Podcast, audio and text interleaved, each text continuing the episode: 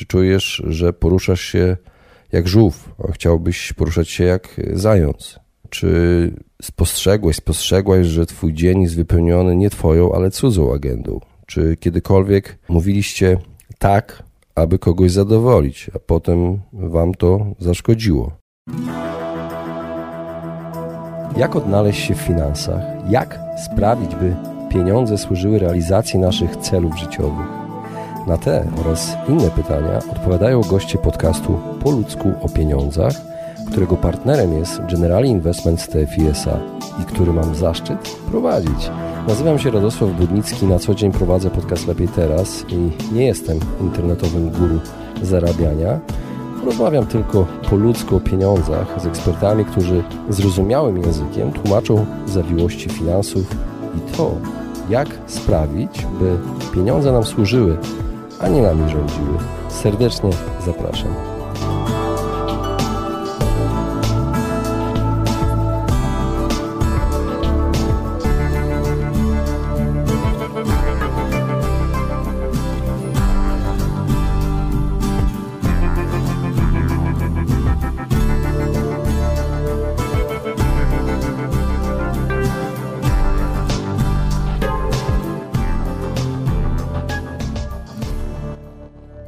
Pamiętaj, że czas to pieniądz. Mógłbyś zarobić 10 szylingów w ciągu dnia, lecz wychodząc sobie na spacer czy siedząc bezczynnie przez pół dnia, nawet jeśli w tym czasie wydałbyś zaledwie 6 pensów na swoją rozrywkę i wypoczynek, to oprócz tych wydatków nie zdajesz sobie z tego sprawy, w istocie wydałeś lub raczej zmarnowałeś 5 szylingów.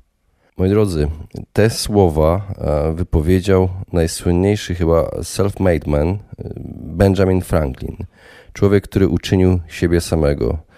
W 1748 roku w eseju zatytułowanym Rada dla młodego kupca ten amerykański polityk, drukarz, uczony, wynalazca, dyplomata, pisarz, dziennikarz, filozof jeden z ojców założycieli Stanów Zjednoczonych stworzył, można powiedzieć, model najbardziej efektywnego życia, na którym wzorują się do dziś y, miliony osób które myślą o e, samorozwoju. Można powiedzieć, że to był taki prekursor samorozwoju. Amerykanie tak byli wdzięczni jego dziełom, jego, jego pracy, którą po sobie pozostawił, że umieścili jego podobiznę na banknocie 100-dolarowym. To zdanie wypowiedziane przeze mnie na początku nie jest jego jedynym dotyczącym mm, rzeczy, o której chcę dzisiaj e, mówić w tym odcinku solowym. Witam Was serdecznie w kolejnym odcinku po ludzku o pieniądzach i pozwólcie, że na początek zacytuję 10 najlepszych cytatów z Benjamina Franklina na temat e, zarządzania e, czasem. Nigdy nie odkładaj do jutra tego, co możesz zrobić dzisiaj. Ten, kto wstaje późno, musi gnać przez cały dzień i nadrabiać swoje sprawy w nocy. Jedno dziś równa się dwa jutra. Nie starzeje się ten, kto nie ma na to czasu. Wczesne chodzenie spać i wczesne wstawanie czynią człowieka zdrowym, zamożnym i mądrym. Ty się spóźniasz, czas nigdy. Dobrze zrobione jest lepsze niż dobrze powiedziane. Jeśli kochasz życie, nie trać czasu, bo z czasu składa się życie.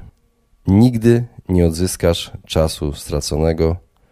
I na koniec, czas to materiał, z którego zrobione jest życie. Franklin wymyślił y, podejście y, do zmiany nawyków, którego jeszcze nie udało się, y, można powiedzieć, nikomu pokonać. Opracował listę 13 cnót. Były to cechy charakteru, które uważał za ważne, ale których mu samemu brakowało. Wiedział, że pielęgnowanie tych nawyków spowoduje pozytywną zmianę w jego życiu. Spędzał tydzień nad każdą cnotą. Pracował nad każdą cnotą, nad zmianą wewnętrzną. Rano myślał o tym, jak wzmocnić nowy nawyk w ciągu dnia. W ciągu dnia spoglądał na swoje notatki, aby przypomnieć sobie nowy nawyk. Pod koniec dnia policzył, ile razy wrócił do starego. Podczas gdy y, z początku był zaskoczony, widząc jak wadliwe było jego zachowanie, był tak zdeterminowany, że kontynuował, przeglądając całą listę w cyklu 13-tygodniowym i wykonując cztery takie cykle w roku. Jeśli chodzi o wyniki, zauważył w e, swojej autobiografii, że chociaż doskonałość była nieosiągalna, widział duże e, postępy. Kluczowym elementem procedury, którą stosował Franklin, dotyczącej właśnie zmiany nawyków, było to, że udało mu się, bo pracował nad jednym nawykiem naraz. O tym później jeszcze opowiem, moi drodzy. Przy okazji też ciągle sobie o tym przypominał wszędzie różnego rodzaju zapiskami, karteczkami, które pozostawiał dookoła siebie. Trochę poszukałem na temat Franklina w sieci. Specjalnie dla Was znalazłem taki, taki artykuł w amerykańskiej edycji magazynu Forbes. Dziennikarz i autor książki Master the Moment 50 prezesów uczy sekretów zarządzania czasem, taki tytuł. Pat Brans wymienia w tym artykule 12 nawyków zarządzania czasem na nowy rok według metody Benjamina Franklina. Pisze, żeby dostosować tę metodę tak, jak chcesz, ale cokolwiek zrobisz, pracuj nad jednym co tydzień, stosując właśnie tę metodę Franklina. Pierwszy nawyk. Staraj się być autentyczny. Bądź ze sobą jak najbardziej szczery w kwestii tego, czego chcesz i dlaczego robisz to, co robisz. Drugi. Sprzyjaj relacjom pełnym zaufania. Staraj się budować relacje z ludźmi, którym możesz zaufać i na których możesz polegać, i upewnij się, że ci sami ludzie mogą ci ufać i na ciebie liczyć. Trzeci. Utrzymaj styl życia, który da ci maksymalną energię. Przygotuj się do wykonania ćwiczeń aerobowych co najmniej trzy razy w tygodniu, jedząc lekki lunch i śpiąc. Czwarty. Słuchaj swoich biorytmów i odpowiednio organizuj swój dzień. Niech nawyk będzie zwracać uwagę na regularne wahania poziomu energii fizycznej i psychicznej w ciągu dnia. I na podstawie tego, czego nauczysz się, dostosuj sposób planowania zadań. Piąty. Ustaw bardzo mało priorytetów i trzymaj się ich. Wybierz maksymalnie dwie rzeczy, które mają najwyższy priorytet i zaplanuj czas, aby nad nim popracować. Szósty.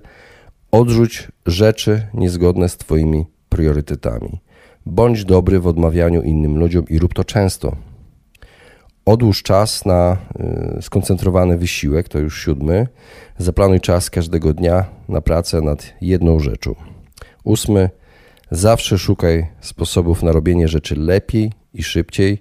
Zwracaj uwagę na zadania, które wykonujesz w kółko i znajdź sposoby poprawy ich wykonywania. Dziewiąty Stwórz solidne procesy, skonfiguruj je tak, by trwały i, i działały bez e, Twojej ciągłej uwagi. Dziesiąty, wykryj problem z wyprzedzeniem i natychmiast e, go rozwiązuj. Poświęć trochę czasu na przemyślenie tego, co Ciebie czeka i jak najszybciej staw czoła wszystkim problemom. Jedenasty, podziel swoje cele na małe jednostki pracy i myśl tylko o jednej jednostce naraz. Spędzaj większość czasu pracując nad zadaniem stojącym przed tobą i unikaj zbytniego marzenia o wielkim celu. I nawyk dwunasty. Zakończ to, co ważne i przestań robić to, co nie jest już warte zachodu. Moi drodzy, chciałbym Wam przedstawić też nieco inne spojrzenie na zagadnienie czasu, które ma ogromny wpływ na naszą y, sytuację finansową. Czy czasami czujesz się przepracowany, przepracowana? Czy czujesz, że poruszasz się jak żółw, a chciałbyś poruszać się jak zając. Czy spostrzegłeś, spostrzegłaś, że twój dzień jest wypełniony nie twoją, ale cudzą agendą? Czy kiedykolwiek mówiliście tak, aby kogoś zadowolić, a potem wam to zaszkodziło? Jeśli odpowiedzieliście twierdząco na którekolwiek z tych pytań, które właśnie zadałem, wyjściem może okazać się droga tak zwanego esencjalisty. I tutaj autor książki, o której e, chcę Wam e, w skrócie powiedzieć, The Way of Essentialist, Greg McCown, pisze, naucza i wygłasza na co dzień wykłady na całym świecie. E, przekazuje ludziom wiedzę na temat znaczenia esencjalizmu w życiu i w biznesie. Jest bardzo znany, był zapraszany przez takie firmy jak Apple, Google, Facebook, LinkedIn, Salesforce.com, Symantec i Twitter. Należy do najpopularniejszych blogerów w serwisie Harvard Business Review – oraz znajduje się na liście wpływowych ludzi serwisu LinkedIn. Jego najnowszy bestseller, właśnie Essentialism, The Discipline Pursuit of Less, to książka o biznesie i samokształceniu, która omawia, jak dowiedzieć się, co jest istotne, jak wyeliminować to, co nieistotne, jak zrobić to tak łatwo, jak to możliwe, aby robić to, co naprawdę jest w życiu ważne.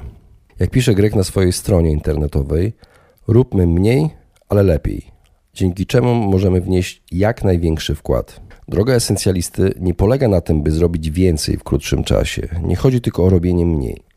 Chodzi o to, aby robić tylko właściwe rzeczy. Chodzi o zakwestionowanie podstawowego założenia: możemy mieć wszystko i muszę zrobić wszystko, i zastąpienie go dążeniem do właściwej rzeczy we właściwy sposób, we właściwym czasie.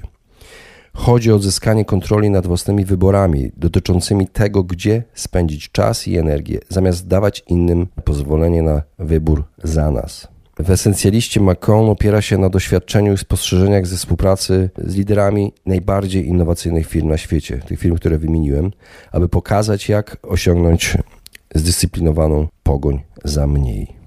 Stosując bardziej selektywne kryteria e, dla tego, co istotne, dążenie do mniej pozwala nam odzyskać kontrolę nad własnymi wyborami, dzięki czemu możemy skierować nasz czas, energię i wysiłek na jak najwyższy wkład w cele i działania, które mają znaczenie.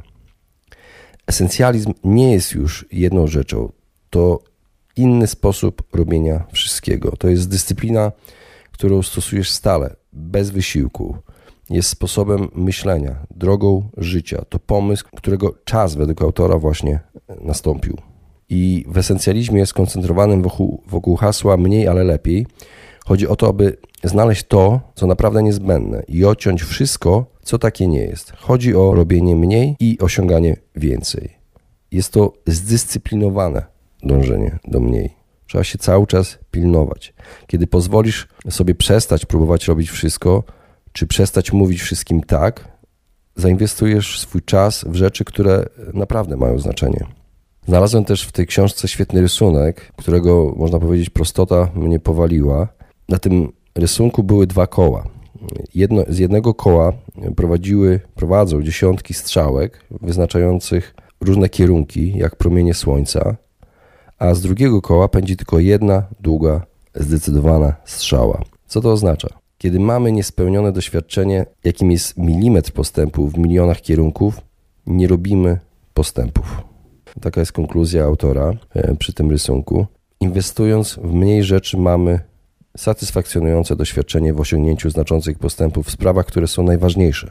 Esencjalizm odrzuca pomysł, że możemy to wszystko zmieścić w czasie, który nam jest dany. Esencjalizm oznacza życie zgodnie z góry założonym projektem, a nie domyślnie prowadzonym. Autor na samym początku książki opowiada też dość mocną historię, naprawdę dobrą historię, z własnego życia. Opowiada o tym, jak jego żona była sama w szpitalu i rodziła właśnie jego dziecko. I tego dnia, kiedy zaczęła rodzić dziecko, zamiast być przy niej, postanowił pod wpływem współpracowników pójść w tym czasie z nimi na spotkanie sprzedażowe. I gdy tam oznajmił, że poświęcił tak ważne wydarzenie, bo ich szanuje, to uzyskał całkowicie odwrotny efekt. Po prostu zniechęcił ich do siebie swoją decyzją. Stwierdzili, co to za gość, który w czasie porodu zostawia swoją żonę e, samą, tylko po to, żeby pójść na jedno z tysięcy spotkań biznesowych. Ile razy rodzi się dziecko w naszym życiu? Dlaczego tak wtedy postąpił? Może dlatego, że nasze społeczeństwo karze dobre zachowanie, gdy mówimy nie, i nagradza złe zachowanie, gdy mówimy tak. Mówienie nie jest teraz bardziej niezręczne, a mówienie tak jest obecnie celebrowane. Jestem na tak, przypomina mi się od razu taki film z Jimem Carreyem. Ale y, co powinien był zrobić y, wtedy autor, będąc y, esencjalistą? Otóż mamy indywidualny wybór. Sami wybieramy sposób spędzania czasu i energii. Bez wyboru nie ma żadnych kompromisów. Nie da się zrobić wszystkiego. Ludzie są skuteczni tylko wtedy, gdy mówią nie. Wyeliminowanie tego, co nieistotne, oznacza odmowę komuś innemu. Chodzi o wewnętrzną dyscyplinę, konieczną do oparcia się zewnętrznej presji społecznej, która jest dookoła nas każdego dnia. Pomyślcie, jak możemy zmienić nasz dzień w pracy, gdy przestaniemy celebrować bycie zajętym jako miarę ważności. Ludzie cały czas udają, że są zajęci. Ile osób, ilu takich pracowników w firmie macie? Dla ludzi, którzy już ciężko pracują, czy ich granica stanowi wartość ciężkiej pracy? Czy jest punkt, w którym robienie więcej nie przynosi więcej? Czy jest rzecz, w której robienie mniej, ale myślenie więcej daje lepszy wynik? Tak, niektóre rodzaje wysiłku przynoszą większe korzyści niż inne. I autor podaje tutaj zasadę Pareto, gdzie 20% wysiłku daje 80% wyników. I podaje przykład, że Warren Buffett zawdzięcza 90% swojego bogactwa jedynie 10 inwestycjom. Co nam to mówi? Jeśli odpowiedź nie brzmi jednoznacznie tak, powinna brzmieć nie. Co zrobi nieesencjalista? Jeśli mój sąsiad poprosi mnie o pomoc przy przekopaniu ogródka w weekend, zrobi to. Esencjalista powie tak tylko 20 najlepszym propozycjom. Jeśli nie jest do końca jasne, wtedy tak oznacza nie. Odważ się mówić wdzięczne nie. Kluczem do procesu eliminacji jest właśnie odwaga. Bez odwagi zdyscyplinowane dążenie do mnie jest po prostu niczym. Kiedy powiesz nie, twoje obawy znajdą się przed ich obawami i faktycznie będą cię bardziej szanować. Tutaj autor podaje też taki przykład, jak mówić nie. Jego repertuar mówienia nie brzmi tak. Niezręczna pauza, miękkie nie, nie ale. Powiedz tak, ale co powinienem zdepriorytetyzować? Lub nie mogę tego zrobić, ale X może być zainteresowany. Więc moi drodzy, to nie jest dość łatwe. Wiemy, że wiele osób ciężko znosi odmowę, ale w efekcie, w efekcie rzeczywiście stosowałem coś takiego i zauważyłem, że byłem bardziej szanowany.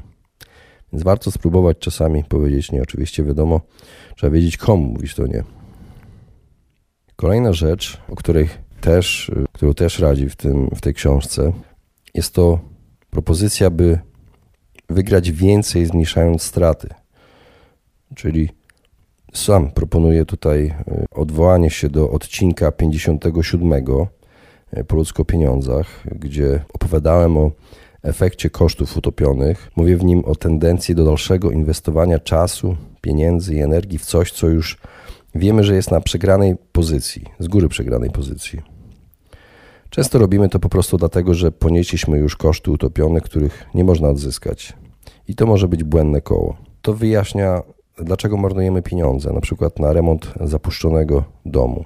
Daj mi 6 godzin na ścięcie drzewa, a pierwsze 4 będę ostrzył topór. Planowanie błędu. Daniel Kahneman. To są słowa Daniela Kahnemana, na, którym, na którego powołuje się też autor, esencjalisty. Skoncentruj się na minimalnym, realnym postępie. Strzeż się jałowości życia, w którym jesteś wiecznie zajęty. Więc co można zrobić? Zdecyduj się na przykład na przesunięcie terminu pracy, aby pójść z psami na długi spacer. Zdecyduj się nie oglądać telewizji, tylko iść na spacer w zielone miejsce, by spokojnie przemyśleć swoje życiowe priorytety i zrelaksować się. Szanuj swój największy skarb, jakim jest czas. Gdyby wszyscy geniusze historii skupili się na tym jednym temacie, nigdy nie byliby w stanie wyrazić swojego zdziwienia w ciemnościach ludzkiego umysłu. Nikt nie zrezygnowałby nawet z cala swojego majątku, a najmniejszy spór z sąsiadem może oznaczać piekło do zapłaty, ale z łatwością pozwalamy innym wkroczyć w nasze życie. Co gorsza, często turujemy drogę tym, którzy je przejmą. Nikt nie rozdaje pieniędzy przechodniom, a ilu z nas rozdaje życie. Jesteśmy mocno przywiązani do własności i pieniędzy, ale zbyt mało myślimy o marnowaniu czasu, jedynej rzeczy, dla której wszyscy powinniśmy być największymi skąpcami. Seneca o zwięzłości życia. Seneca twierdził, że czas jest Twoim największym skarbem, biorąc pod uwagę to, jak jest ograniczony. W swoim dziele o krótkości życia pochyla się na najbardziej wartościowym zasobem, jaki został nam dany nad czasem. Twierdzi, że jest to, że jest podstawowa różnica między prawdziwym życiem a ledwie egzystencją. Zastanów się więc głębiej nad jakością życia i przestań myśleć, ile jeszcze czasu masz na Ziemi. Zamiast tego zacznij się zastanawiać, jak żyjesz każdą chwilę, jaka ci pozostała. Czy Twoje życie jest ledwie przeczekiwaniem, czy prawdziwym życiem? Ustalaj priorytety. Dlaczego warto je ustalać? Nie otrzymujemy krótkiego życia, ale czynimy je krótkim. I nie brakuje nam życia, ale trwonimy je. Podobnie jak ogromne i wspaniałe bogactwa zostają wkrótce zmarnotrawione, kiedy przepadną w udziale złemu gospodarzowi, a nawet skromny majątek przekazany w ręce dobrego zarządcy pomnaża się przez odpowiedni użytek, tak samo życie nasze trwa długo, jeżeli się je dobrze ułoży. Jednego dnia możesz być szczęśliwy i zdrowy, a następnego wpadniesz pod samochód lub dostaniesz ataku serca i umrzesz. Nigdy nie wiesz, ile ci pozostało czasu na ziemi. Stoi przed Tobą wyzwanie, jak wykorzystać każdy najdrobniejszy moment, zanim Twoje dni dobiegną końca. I aby zachować ten bezcenny skarb, jakim jest czas, naucz się mówić nie. Tak jak Greg McCone, tak samo stoicy uczyli, by umieć mówić nie. Bo mówienie nie chroni Twój czas i energię, aby skupić się na dużych i ważnych rzeczach w Twoim życiu. Seneca przypomina nam, że chociaż możemy być dobrzy w ochronie naszej własności fizycznej, jesteśmy zdecydowanie zbyt pobłażliwi w egzekwowaniu naszych mentalnych granic. Własność można odzyskać. Jest jej całkiem sporo na Ziemi, ale część wciąż pozostaje nietknięta przez człowieka. Ale czas, czas jest naszym najbardziej niezastąpionym zasobem i nie możemy go kupić więcej. Możemy starać się marnować jak najmniej. Jeśli chcesz mieć określone życie, musisz rozważyć, gdzie, kiedy i jak spędzasz czas. Dotyczy to również inwestowania. Jeśli spędzasz swój czas na obserwowaniu rynków finansowych bez przerwy, będziesz wiecznie zaniepokojony najnowszymi kryzysami finansowymi lub katastrofami. Dlatego warto cofnąć się o krok i pomyśleć o tym, jak chcesz spędzić czas i energię, aby osiągnąć określony cel. Stoicy starają się nie przejmować dramatem życia, ponieważ wiedzą, że będzie on służył jedynie do niepokojenia własnych emocji. Jedynym sposobem zastosowania tego w swoim życiu finansowym byłoby zadanie sobie pytań, czy wykonałeś podstawowe kroki, które wiesz, że musisz zrobić, aby osiągnąć sukces finansowy? Czy spędzasz czas na rzeczach, które okazały się wcześniej skuteczne i prowadzą cię do celu? Czy spłaciłeś swoje wszystkie długi? Czy ciągle żyjesz za cudze pieniądze? Czy nie możesz żyć bez swojej karty kredytowej, brania ciągłych chwilówek? Czy optymalizujesz podatki, jednocześnie odkładając na emeryturę w IGZE? Czy Twój program emerytalny IKE jest odpowiednio skonfigurowany i zoptymalizowany? Czy wszystkie Twoje oszczędności są bezpieczne? Czy masz wystarczającą poduszkę finansową albo kilka poduszek finansowych na różne cele? I na koniec, czy śledzisz swoje inwestycje i czy się na nich znasz? Tak, moi drodzy, chciałem Was pozostawić e, z tymi pytaniami na koniec i z refleksją nad największym darem, największym skarbem, jakim mamy, czyli czasem. Bardzo dziękuję za wysłuchanie i do usłyszenia.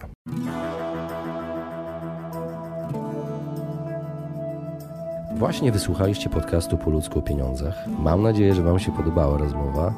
Jeżeli Wam się podobała, poświęćcie swój czas, proszę, by pozostawić swoją recenzję na iTunes. Jeżeli macie pytania lub e, propozycje dotyczące kolejnych audycji, piszcie do mnie na fanpage'u Po ludzku o pieniądzach i do usłyszenia następnym razem.